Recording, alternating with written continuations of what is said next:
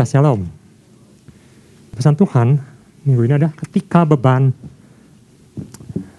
menghinggapi. Beban itu sesuatu yang tidak enak, sesuatu yang membebani, jadi sesuatu yang harus kita bawa dan berat. Tapi anak muda sekarang, ketika saya lihat di medsos misalnya, dikatakan apa yang paling laris selama masa pandemi ini. Dan tentunya ya cukup mencengangkan juga buat saya. Karena dikatakan ternyata yang cukup laris di zaman pandemi ini salah satunya adalah gym, tempat fitness. Saya lihat anak-anak muda sekarang banyak yang badannya besar-besar, ototnya besar-besar, kuat-kuat. Apa yang mereka lakukan? Mereka berlatih berlatih mengangkat beban. Mereka semua di sana pakai beban, pakai barbel, pakai barang yang berat. Dan itu ototnya dilatih. Semakin ototnya dilatih, semakin besar, semakin kuat. Jadi beban itu tidak selalu konotasinya negatif. Beban bisa berarti juga positif. Tetapi yang akan kita renungkan melalui Mazmur 55, ini suatu beban, beban kehidupan. Beban yang membuat kita menderita, membuat kita sulit, membuat kita tidak enak dalam kehidupan ini. Dan Daud tuliskan dalam Mazmur 55 ini apa yang dia rasakan. Kita sedikit melihat latar belakang Mazmur 55. Diperkirakan ini adalah Mazmur yang dituliskan Daud ketika dia dikejar oleh anaknya Absalom. Bayangkan, semua orang tua tentunya menginginkan sesuatu yang baik untuk anaknya. Daud ingin Absalom hidup bahagia. Daud ingin Absalom kalau perlu menjadi raja. Tetapi yang terjadi adalah anaknya memburu dia untuk membunuh dia. Kita tidak pernah terpikirkan bagaimana seorang anak mengejar ayahnya untuk membunuhnya. Di media memang beberapa waktu lalu pernah dituliskan ada anak yang menuntut orang tuanya karena warisan, karena harta. Ada kejadian di dunia seperti itu. Tetapi itu tidak diinginkan oleh siapa pun juga, termasuk oleh kita semua. Tapi yang kita akan pelajari di sini adalah bagaimana sikap Daud ketika dia mendapatkan beban seperti itu, beban yang sangat berat. Kalau dalam soal peperangan, Daud itu sudah terkenal. Bahkan dituliskan dalam Alkitab, dia mengalahkan berlaksa-laksa, melebihi Saul. Dan kita lihat dalam sejarah, dalam Alkitab dikatakan kerajaannya jaya. Tidak ada yang bisa bertahan melawan Daud karena Tuhan berserta dia. Tetapi ketika dia dikejar-kejar, hanya sedikit orang yang ikut dia. Hanya pasukan yang setia, orang kreti, orang peti, 600 orang. Mungkin dengan prajurit unggulan dia sekitar 1000 orang. Bandingkan dengan Absalom yang didukung oleh seluruh orang Israel. Mungkin ratusan ribu. Suatu kekuatan yang tidak seimbang ketika seorang ayah harus melawan anaknya sendiri. Dan itu Daud katakan di dalam Mazmurnya, sebenarnya dia ingin menyerah. Nah kita akan lihat, dalam Mazmur 55, ketika saya renungkan pesan ini, kemarin Bapak Gemala sudah membawakan ada dua hal yang penting ketika kita mendapatkan pesan ini, yaitu bahwa respon menentukan hasil. Yang pertama, kita harus belajar untuk menyerahkan beban pada Tuhan dan menyelaraskan diri kita kepadanya. Jadi kita akan lebih kuat. Kita lihat bagaimana Tuhan membela kita. Tuhan tidak ingin kita goyah. Yang kedua, belajar untuk berada di lingkungan orang-orang yang siap untuk menopang. Yang kedua hal ini, untuk yang belum tahu bisa melihat di YouTube dan melihat supaya lebih jelas. Hari ini yang saya akan bawakan adalah tentang Daud yang terjepit oleh bebannya. Kita akan lihat di Mazmur 55 bahwa ini kalau kita bagi dua, ayat 1 sampai 16 dan ayat 17 sampai 24, di situ saya melihat bagaimana keegoan seorang Daud dinyatakan dari ayat pertama sampai ayat ke-16. Dalam bahasa Yunani, uh, maksud saya Mazmur ini tulisnya dalam bahasa Ibrani, tetapi dalam bahasa Yunani, aku itu ditulis dengan ego. ego, saya. Saya melambangkan ego. Di sini Daud menuliskan ego dia.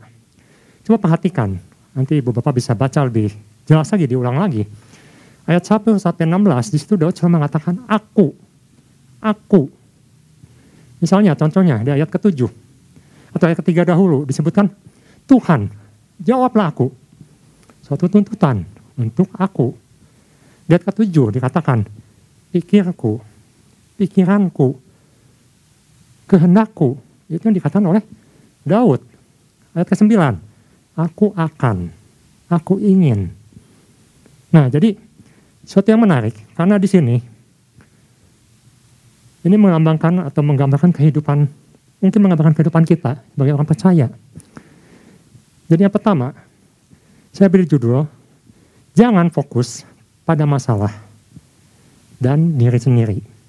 Ayat 1 sampai ayat 16 itu menggambarkan fokus kepada diri sendiri, kepada aku, pada ego. Apa yang terjadi kalau kita akan atau selalu fokus pada diri sendiri? Kita akan lihat nanti. Daud ketika dia fokus pada diri sendiri, maka tidak ada kebaikan yang datang. Hanya kelemahan. Sebagai seorang prajurit yang harusnya siap bertempur, di sini Daud mengatakan, khususnya di ayat ke-7 sampai ke-9, saya akan bacakan. Dikatakan di sini, pikirku, sekiranya aku diberi sayap seperti merpati, aku akan terbang dan mencari tempat yang tenang. Ayat ke-8, bahkan aku akan lari jauh-jauh dan bermalam di padang gurun. Ayat ke-9, aku akan segera mencari tempat perlindungan terhadap angin ribut dan badai. Kelihatan di sini, dalam kehidupan orang percaya, mungkin kita, saya, ingin mengambil tindakan sendiri. Saya ingin, saya akan, saya akan melakukan ini, saya akan melakukan itu. Jelas di sini, tidak ada Tuhan dilibatkan ketika tidak ada Tuhan dilibatkan, hanya diri kita, hanya ego kita yang dilibatkan, maka kita akan menjadi lemah. Daud menjadi lemah. Sangat menarik di sini, Alkitab banyak mencatat dan Tuhan Yesus sendiri pun banyak menggambarkan tentang binatang burung. Ada burung gagak yang memberi makan seorang nabi. Ada burung pipit yang digambarkan tentang pemeliharaan Tuhan. Burung yang murah burung yang tidak berharga. Yang kecil maksudnya harganya, murah. Tetapi juga ada burung elang, burung yang kuat, seekor predator yang berkuasa, yang bisa mengangkasa, terbang tinggi. Tetapi Daud di sini memakai kata, aku ingin terbang seperti seekor burung merpati. Seekor burung merpati. Mengapa dia katakan seperti merpati? ketika saya cukup sedikit dibantu oleh anak saya juga, burung apa sih sebenarnya yang Daud katakan di sini? Ada kemungkinan yang Daud katakan di sini adalah seekor burung pati yang ada di gurun waktu itu. Sejenis burung yang disebut dengan morning pigeon atau sejenis burung merpati yang mempunyai satu kelebihan dibandingkan dengan merpati lainnya, khususnya di dalam kecepatan dia terbang kelihatannya dia bisa terbang hampir dua kali lipat dibandingkan dengan sejenisnya. Tetapi yang lucu di sini, atau sesuatu yang menarik di sini, mengapa Daud menggambarkan dirinya seperti merpati, bukan elang. Di Mazmur yang lain, Daud katakan kita orang percaya harus seperti burung elang, burung raja wali, yang terbang tinggi bersama Tuhan. Tapi sini, ketika seseorang seperti Daud fokus pada dirinya sendiri, maka ia menyatakan atau menyamakan dirinya dengan seekor burung merpati. Seekor burung yang siap di predator, siap dimangsa oleh Raja Wali. Seekor burung yang tidak punya senjata. Kalau Raja Wali punya paruh yang kuat, cakar yang kuat. Tetapi seekor burung merpati hanya bisa terbang cepat untuk bersembunyi. Itu yang Daud katakan. Aku lebih suka seperti burung merpati yang bersembunyi. Bersembunyi di sini artinya ingin menyelesaikan masalah dengan cara melarikan diri dengan bersembunyi. Berapa banyak di antara kita yang ketika ada beban, ada masalah, lebih suka untuk menghindar, lebih suka untuk bersembunyi, lebih suka untuk menganggap bahwa masalah itu tidak ada. Apakah masalah itu selesai? Masalah itu hilang? Masalah itu tetap ada. Dan orang-orang seperti ini akan mencari kelepasan, mungkin lewat obat-obatan, obat tenang, narkoba, dan hal selanjutnya yang lainnya. Tidak mencari Tuhan. Apa yang akibatnya? Semakin lemah, semakin lemah, semakin lemah. Itu yang Daud alami. Dan akan kita alami selama kita fokus kepada diri sendiri.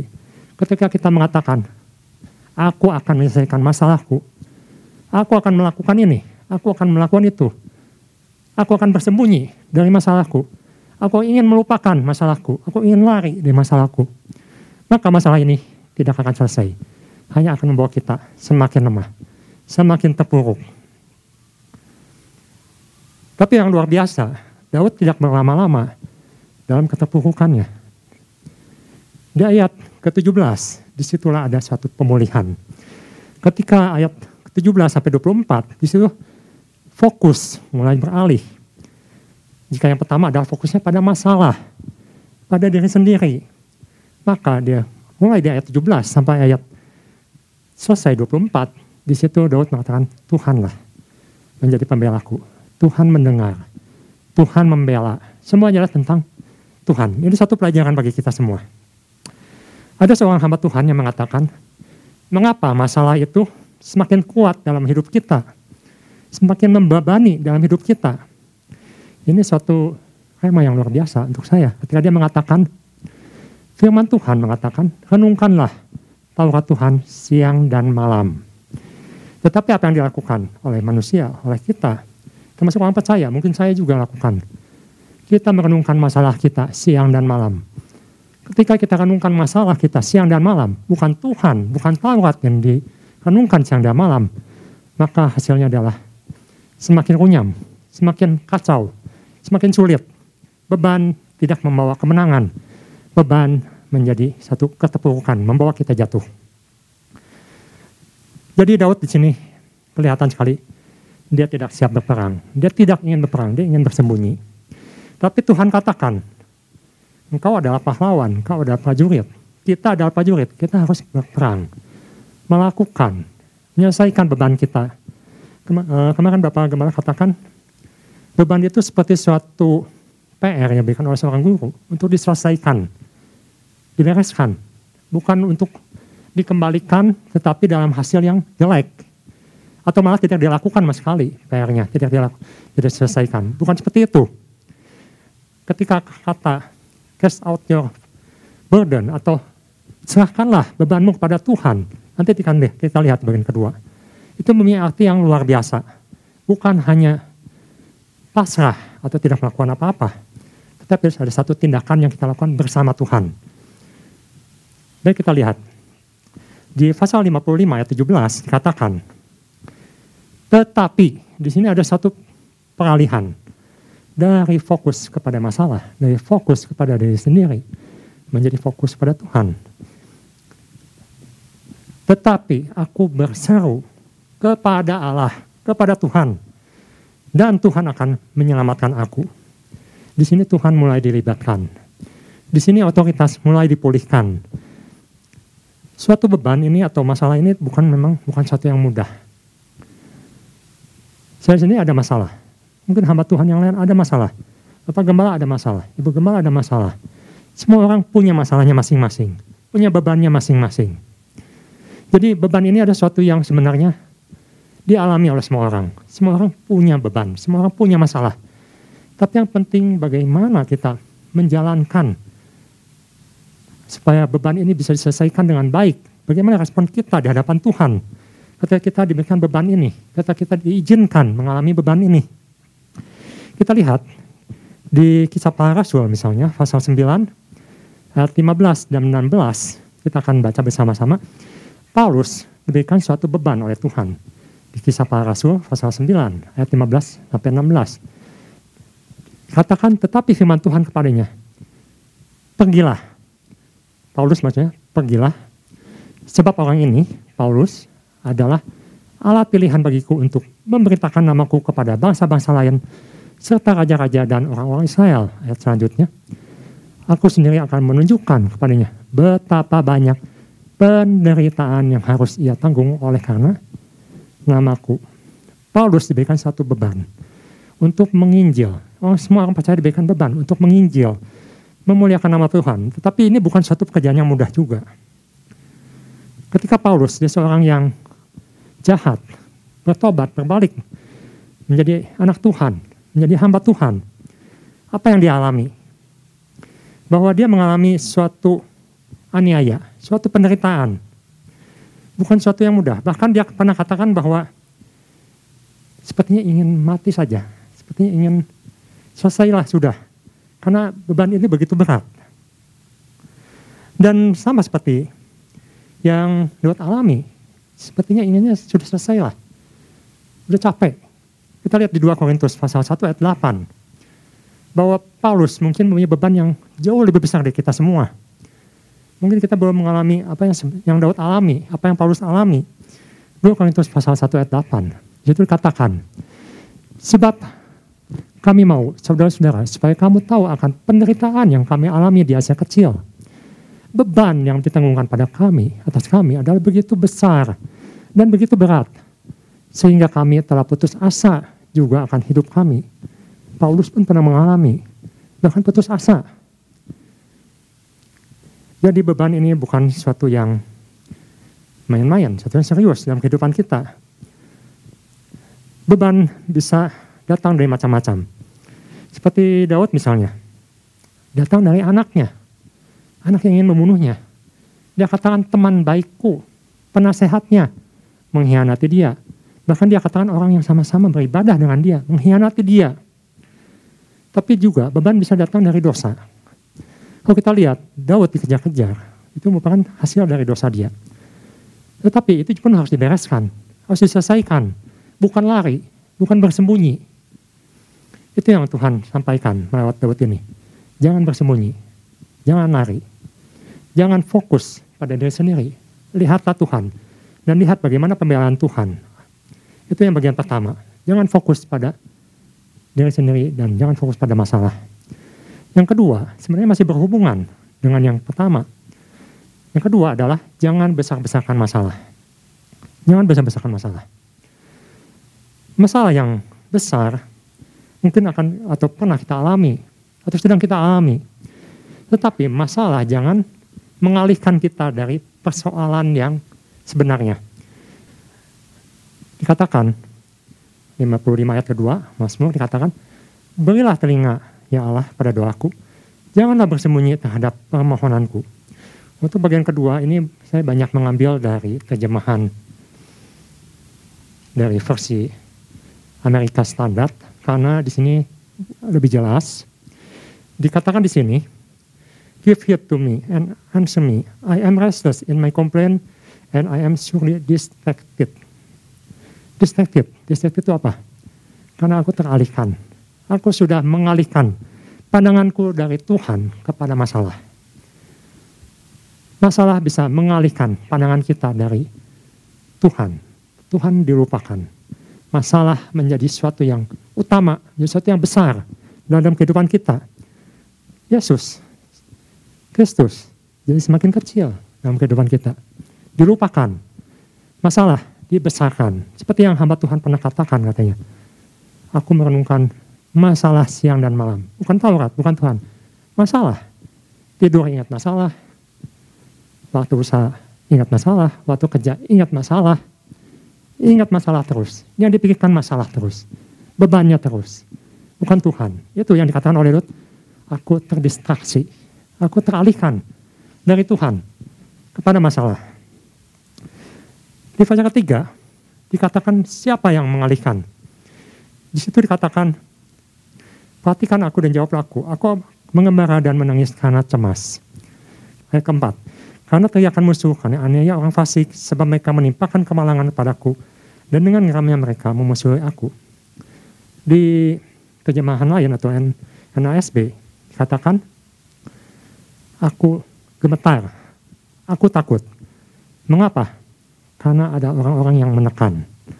Ada orang-orang yang mengintimidasi aku. Dunia mengintimidasi. Kebiasaan-kebiasaan dunia mengintimidasi kita. Hikmat dunia mengintimidasi kita. Cara-cara dunia mengintimidasi kita. Nasihat-nasihat dunia mengintimidasi kita. Tekanan dari dunia menekan kita. Ketika seorang melakukan firman, mungkin kita akan ditertawakan. Kita akan dibilang bodoh. Kita dikecam. Kita diintimidasi karena tidak mau ikut dengan cara mereka. Itu yang Daud katakan, aku terintimidasi. Tetapi kita bisa belajar dari Paulus dan Yohanes. Ketika seorang fokus pada Tuhan dan dia tidak besar-besarkan masalahnya. Dia katakan misalnya di Yohanes pasal 3 ayat 30. Dikatakan biarlah Yesus semakin besar dan aku semakin kecil. Biarlah ego aku semakin kecil. Biarlah Yesus yang makin besar penderitaan itu, beban itu, masalah itu yang membuat Tuhan semakin besar. Itu satu prinsip yang harus kita lakukan. Nah, kita akan lihat mengapa kita harus atau jangan besarkan masalah. Ketika Daud katakan, berikanlah bebanmu kepada Tuhan atau dalam bahasa Inggrisnya cast out your burden to the Lord. Berikan pada Tuhan. Di sini banyak sekali ada tip yang Daud berikan. Mengapa kita harus menyerahkan beban kita pada Tuhan? Apa artinya?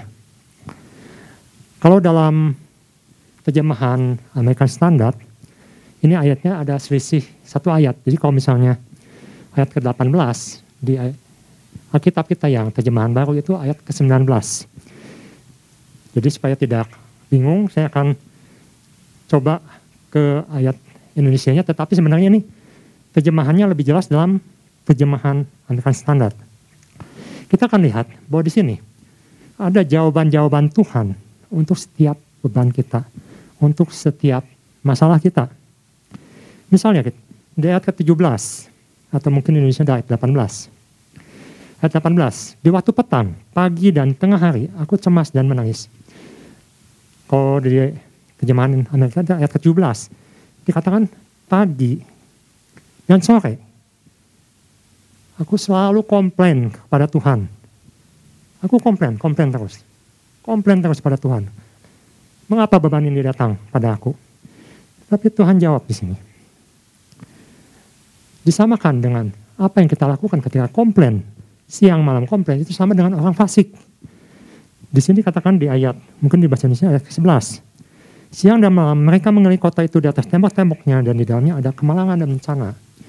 Dalam terjemahan lainnya dikatakan mereka siang dan malam menganiaya. Ketika kita komplain terus kepada Tuhan, itu sama dengan sikap orang fasik. Sama nggak ada bedanya, siang malam komplain pada Tuhan. Dan Tuhan tidak suka hal seperti itu. Kenapa? Karena Tuhan katakan, ia mendengar. Di ayat ke-20 dalam bahasa Indonesia-nya, Allah akan mendengar. Allah tidak diam. Allah mendengar. Dan Allah menjawab. Allah menjawab. Menjawab apa? Ketika kita ingin lari dari masalah dan kita memutuskan untuk balik kepada Tuhan, maka di situ Tuhan katakan, Ia akan menjawab. Ia akan menjawab masalah kita. Ia akan menjawab apa yang menjadi beban kita. Jadi kita ketika menghadapi beban, kita harus berjalan bersama Tuhan. Karena dia tahu, dia mendengar, dia tahu, dia peduli. Ayat ke-18 dalam bahasa Indonesia ayat ke-19. Ia membebaskan aku. Dalam bahasa terjemahan lainnya katakan, dia tahu. Dia memberikan damai sejahtera. Dari mana? Dari pertempuran mungkin bahasa Indonesia tidak jelas disebutnya serangan, tetapi dalam bahasa aslinya katakan dari peperangan. Daud lari dari peperangan, peperangan fisik melawan anaknya. Mungkin kita juga melarikan diri dari peperangan dalam kehidupan kita.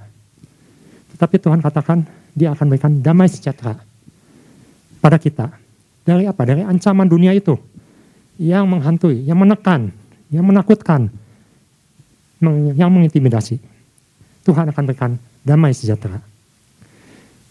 Dan dia akan menjawab.